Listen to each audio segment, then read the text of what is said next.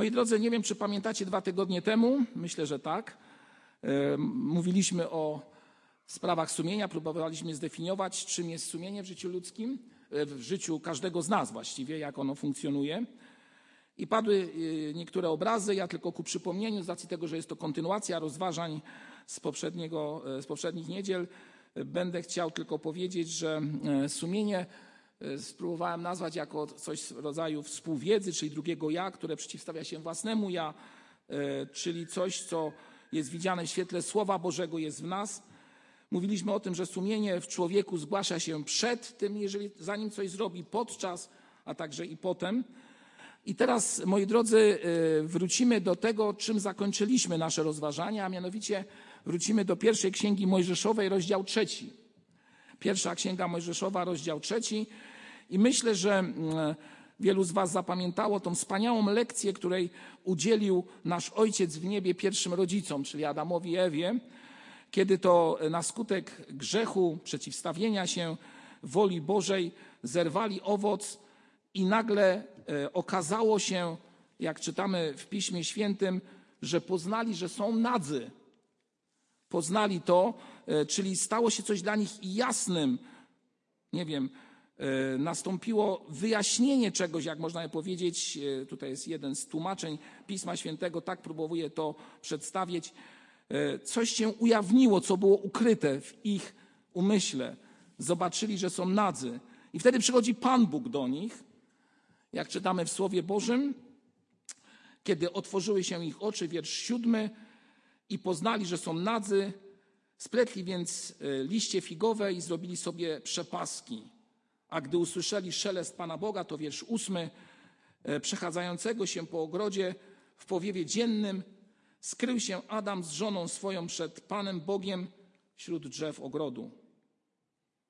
Lecz Pan Bóg zawołał na Adama i rzekł do niego: Gdzie jesteś? To myślę, że jedno z bardzo, bardzo istotnych spraw związanych e, z naszą relacją z Ojcem w niebie. Dlaczego? Ano dlatego, że czytamy tutaj coś, co przedstawione jest jako e, trudne do zrozumienia w zachowaniu ludzkim, trudna do zrozumienia w zachowaniu ludzkim postawa, którą reprezentuje nasz Ojciec w niebie.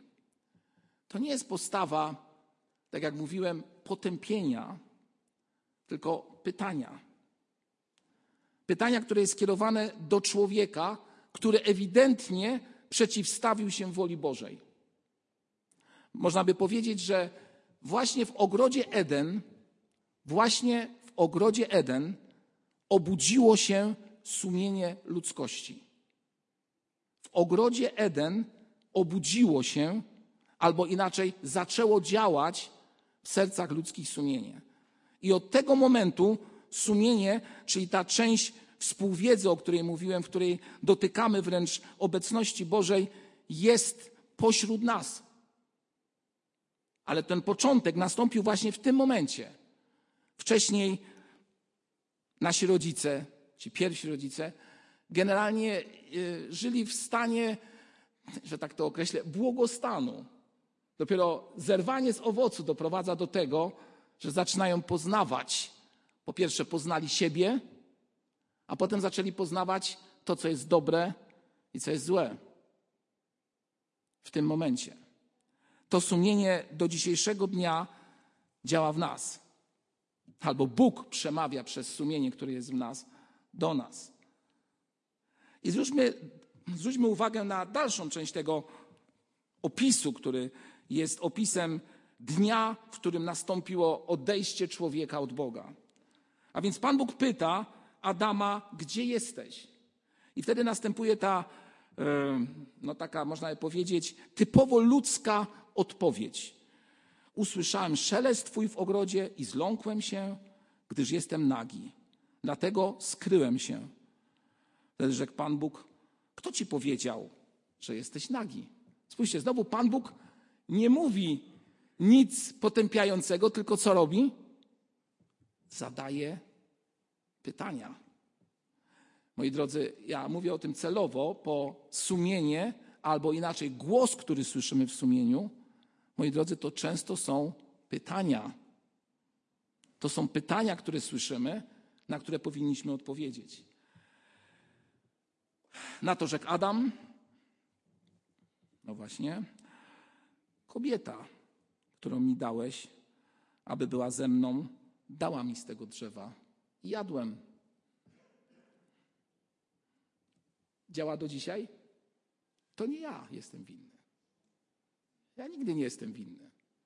Spójrzcie na małe dzieci, które przychodzą do przedszkola i ewidentnie spotka, widzimy, że coś, mówiąc kolokwialnie, przeskrowały. Zrobiłeś to, Jasiu? Nie ja. Moi drodzy, w białych rękawiczkach dzisiaj ludzie w swoich miejscach pracy dokładnie zachowują się tak samo. To nie ja zrobiłem, to on jest winny. To ona jest winna. Do dzisiejszego dnia tak działamy. Odziedziczyliśmy to od naszych rodziców. No i co się dzieje dalej? Wtedy Pan Bóg rzekł do kobiety. Popatrzcie, znowu pytanie. On tej kobiety nie potępia, tylko zadaje jej pytanie: Dlaczego to uczyniłaś? Ewa mówi: To nie ja. No to nie ja zrobiłam, no to nie ja. To znowu był ktoś, a właściwie zwierzę, które doprowadziło do tego, że uległam. I wtedy następuje wyrok Boży. Wyrok, który skazuje e, no, przyczynę, można je powiedzieć, całego zła. Ponieważ to uczyniłeś, będziesz przeklęty wśród wszelkiego bydła i wszelkiego dzikiego zwierza. Na brzuchu będziesz się czołgał i prog będziesz jadł i po wszystkie dni życia swego. I ustanowienie przyjaźń między tobą i kobietą i tak dalej, i tak dalej. A do Adama rzekł, 17 wiersz. Ponieważ usłuchałeś głosu żony swojej i jadłeś z drzewa, z którego ci zabroniłem, mówiąc, nie wolno ci jeść z niego, przeklęta niech będzie ziemia z powodu ciebie. Zwróćcie uwagę, co tu zostało powiedziane. Czy ty będziesz przeklęty, Adamie? Ziemia z powodu ciebie będzie przeklęta. Niuans. Ale tak działa Pan Bóg. Co czytam, o czym czytamy dalej?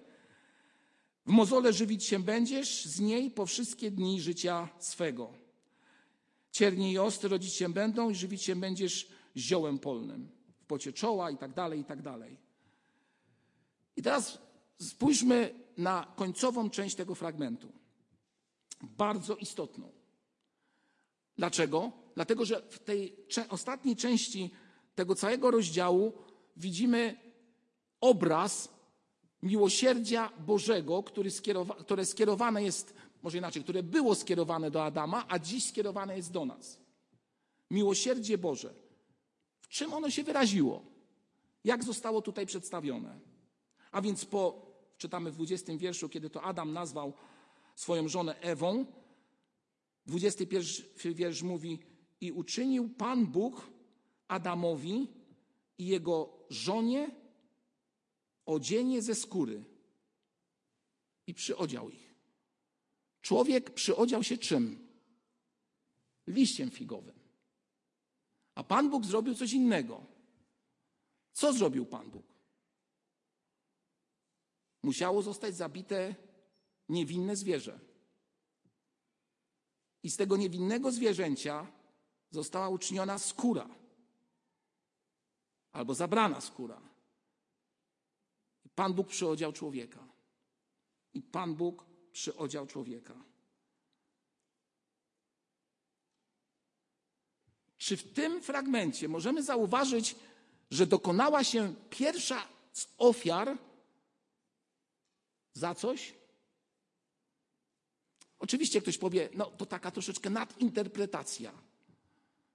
Ale myślę sobie, że to, że zostało zabite zwierzę, aby człowiek mógł zakryć to, co poznał, jest swego rodzaju, jest swego rodzaju wskazaniem na to, co jest najistotniejsze w życiu wierzącego człowieka dziś. To, co jest charakterystyczne dla ludzi wierzących dzisiaj. A co jest istotne dla nas? Inaczej, co jest najistotniejsze dla nas? A mianowicie to, że kiedy stajemy przed Jezusem Chrystusem, przed naszym Panem, Stajemy jako ludzie nadzy. Stajemy jako ludzie, którzy mają poznanie dobra i zła. Stajemy jako ludzie, którzy często wybierają wbrew swojemu sumieniu i wbrew woli Bożej. Stajemy przed Chrystusem jako nadzy ludzie. I Chrystus pyta Ciebie dzisiaj i mnie dzisiaj: Gdzie jesteś? W którym miejscu jesteś? Jakie jest Twoje sumienie? Jaki jest Twój sposób myślenia i patrzenia na rzeczywistość? Jaka jest Twoja wrażliwość? Twoja wrażliwość, moja wrażliwość na to, co się dzieje wokół mnie. Pan Bóg pyta Ciebie, Pan Bóg pyta mnie, gdzie jesteśmy? W którym miejscu jesteśmy? Czy jesteśmy tak zapędzeni w tym świecie, w którym jesteśmy, że wszystko, co robimy, jest skierowane tylko dla mnie i dla mnie? To jest najistotniejsze. Moja wygoda, wszystko, co dotyczy mnie, jest ważne, a czasami najistotniejsze? A może mamy wrażliwość, która także wynika z sumienia? Wrażliwość, która widzi dalej, która widzi szerzej. Wrażliwość, która została oczyszczona przez krew Pana Jezusa Chrystusa na krzyżu, który złożył ofiarę, abyś ty, abym ja mógł stanąć przed Ojcem jako osoba odkupiona przez Jego krew. Bo On złożył ofiarę z samego siebie. Pan Bóg przyodział pierwszych rodziców. Zwierzę zostało zabite. My mamy znacznie coś większego. Pan Bóg wysłał syna swojego, aby umarł na drzewie krzyża i za ciebie i za mnie złożył samego siebie. Abyśmy w poznaniu, w którym jesteśmy, w nagości, w której jesteśmy, w głupocie, w której jestem, mogli stanąć przed Ojcem i żeby nam powiedziano: wejdź do domu, synu, córko. Niesamowity obraz. I Pan Bóg czyni to wszystko w naszym sercu. Chce, aby nasze serca, nasze sumienia były czyste, przede wszystkim oczyszczone Jego krwią, oczyszczone całkowicie z brudu grzechu. Dziś rozmawiałem z jedną osobą jeszcze przed nabożeństwem i zadałem proste pytanie. Czy masz w swoim sercu pewność tego, że przebaczono Tobie wszystkie winy i grzechy? Czy Twoje sumienie Cię oskarża? Drugie pytanie chcę Wam zadać i sobie. Czy nasze sumienia oskarżają nas o coś? Jeżeli tak, przynieś to przed tron naszego Pana. A nawet jeżeli nie czujesz, że Cię oskarża Twoje sumienie, to i tak proś Pana o oczyszczenie każdego dnia. Dlaczego? No bo nikt z nas nie jest doskonały. I teraz właśnie chcę przejść do tej myśli, o której mówiłem dwa tygodnie temu, że będę chciał przedstawić Wam właściwie cztery rodzaje sumienia, które są w życiu człowieka. Ze zgrozą patrzę na zegarek i brat Samuel uśmiecha się do mnie. No właśnie, spróbujemy przynajmniej jedną część omówić. A więc e, sumienie, które jest udziałem ludzi, którzy bardzo pragną i dążą do tego, aby być ludźmi doskonałymi. Któż z nas nie chciałby być jako chrześcijanin na obraz i podobieństwo Boże bardzo blisko tego obrazu najlepszego, którym jest nasz Pan Jezus Chrystus?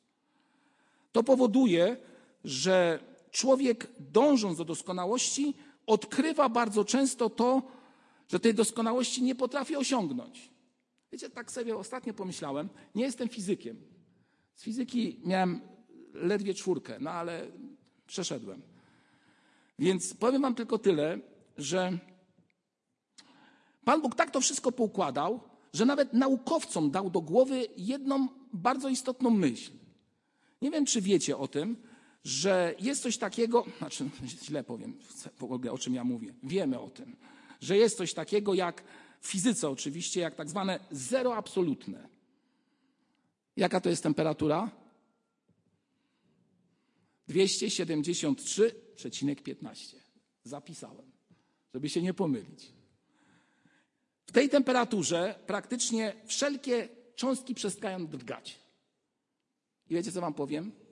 Do dzisiejszego dnia nie potrafi nikt dojść do osiągnięcia zera absolutnego.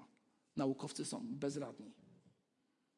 I tak sobie pomyślałem, mówię, jak to jest, że w tej całej świadomości człowieka, w tym całym intelekcie człowieka, w tym całym poznaniu człowieka, który człowiek ma, nagle staje przed barierą czegoś, czego nie może osiągnąć. Czy mierzy się z tym, co jest doskonałe, co jak gdyby Pan Bóg w swojej doskonałości uczynił, a czego człowiek nie jest w stanie osiągnąć? No myślę, że tak. Myślę, że tak. Że to jest jakiś wymiar, w którym Bóg pokazuje ograniczoność ciała ludzkiego. Tak samo ciało. Nie ma ciała doskonale czarnego, moi drodzy. Nie ma ciała doskonale czarnego. Po prostu nie ma. Nie ma materii, która pochłonie, nie ma materii, która pochłonęłaby całe światło. I znowu stajemy przed czymś. No jak to? Umysł ludzki? Jesteśmy ludźmi niedoskonałymi. Każdy z nas, ja i ty. I mając świadomość swojej niedoskonałości, możemy stanąć przed Bogiem i powiedzieć: Panie, stoję jako człowiek grzeszny przed Twoim obliczem i potrzebuję Twojego oczyszczenia prawdziwie Twojego oczyszczenia. Jedno z takich sumień, o których będę mówił i w następnych, następnych naszych spotkaniach, zostało nazwane przez jednego z filozofów, mianowicie przez księdza Tischnera, jako sumienie wąskie. Mówi on w ten sposób, jest to sumienie niedoskonałe, czyli grzeszne.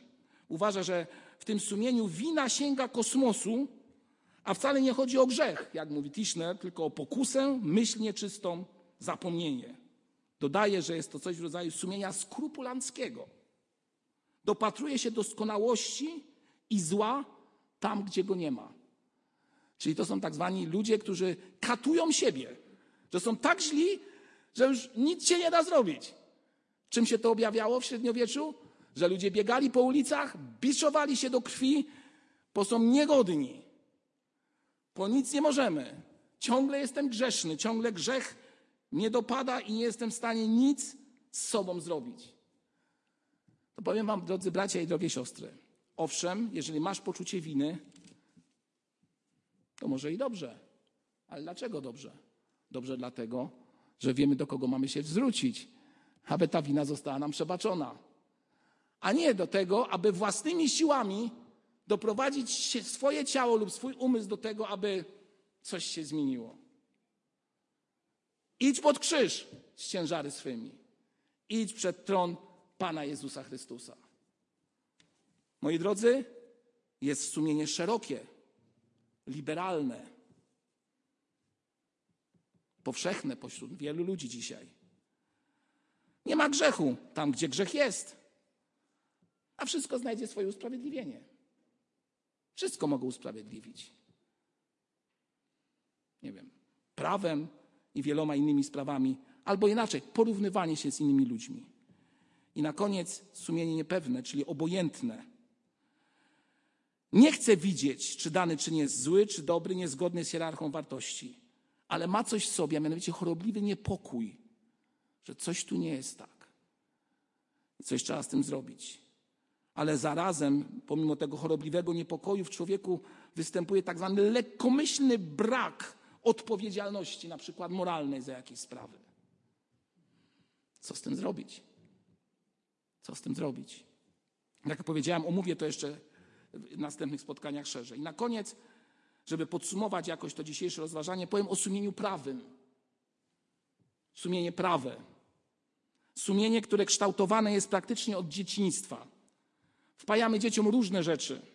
Wiadomości, uczymy ich języka, muzyki, pływania itd., tak itd. Tak i tworzymy ludzi bardzo intelektualnie wykształconych, szczególnie na modłę dzisiejszego świata.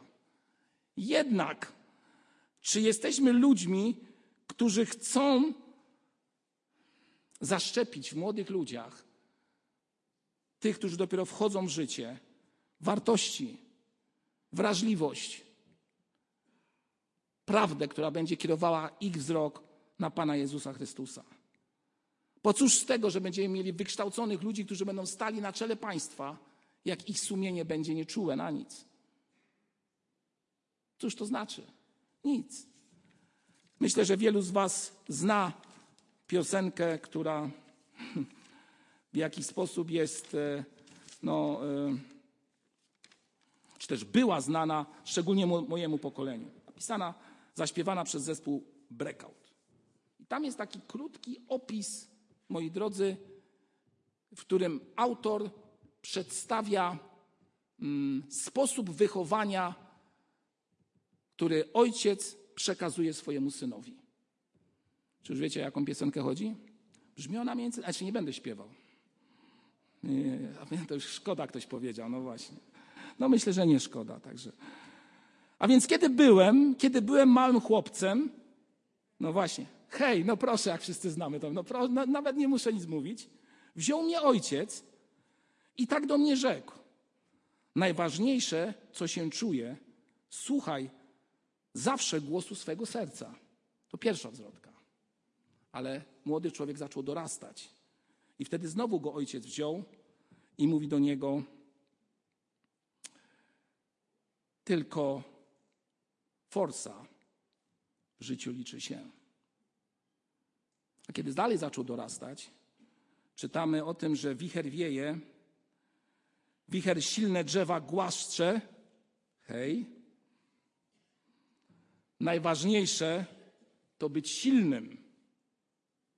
Wicher silne drzewa głaszcze. No właśnie. I to jest myślenie typowo ludzkie. Wiemy, co trzeba dziecku przekazać. Wiemy, co należy mu powiedzieć, ale kiedy zaczyna dorastać, okazuje się, że nagle człowiek też wie, co ma mu powiedzieć. Ale niekoniecznie jest to związane już z wartościami Słowa Bożego. I zamiast wartości, które są istotne w życiu człowieka, rodzą się bardzo często osoby pozbawione sumienia, pozbawione wrażliwości. A jak powiedziałem, jeżeli sumienie to współwiedza, czyli można powiedzieć coś, co, jest, co łączy człowieka z Bogiem, to w tym momencie, jeżeli człowiek tego nie ma, to ze zgrozą mogę powiedzieć, że Bóg jest bardzo daleki od niego. Dlatego gorąco Was wszystkich proszę i siebie, gorąco Was proszę, wejrzyjmy w nasze sumienie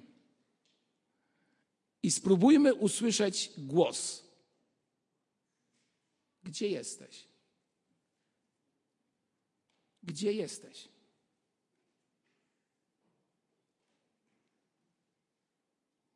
Gdzie jesteś?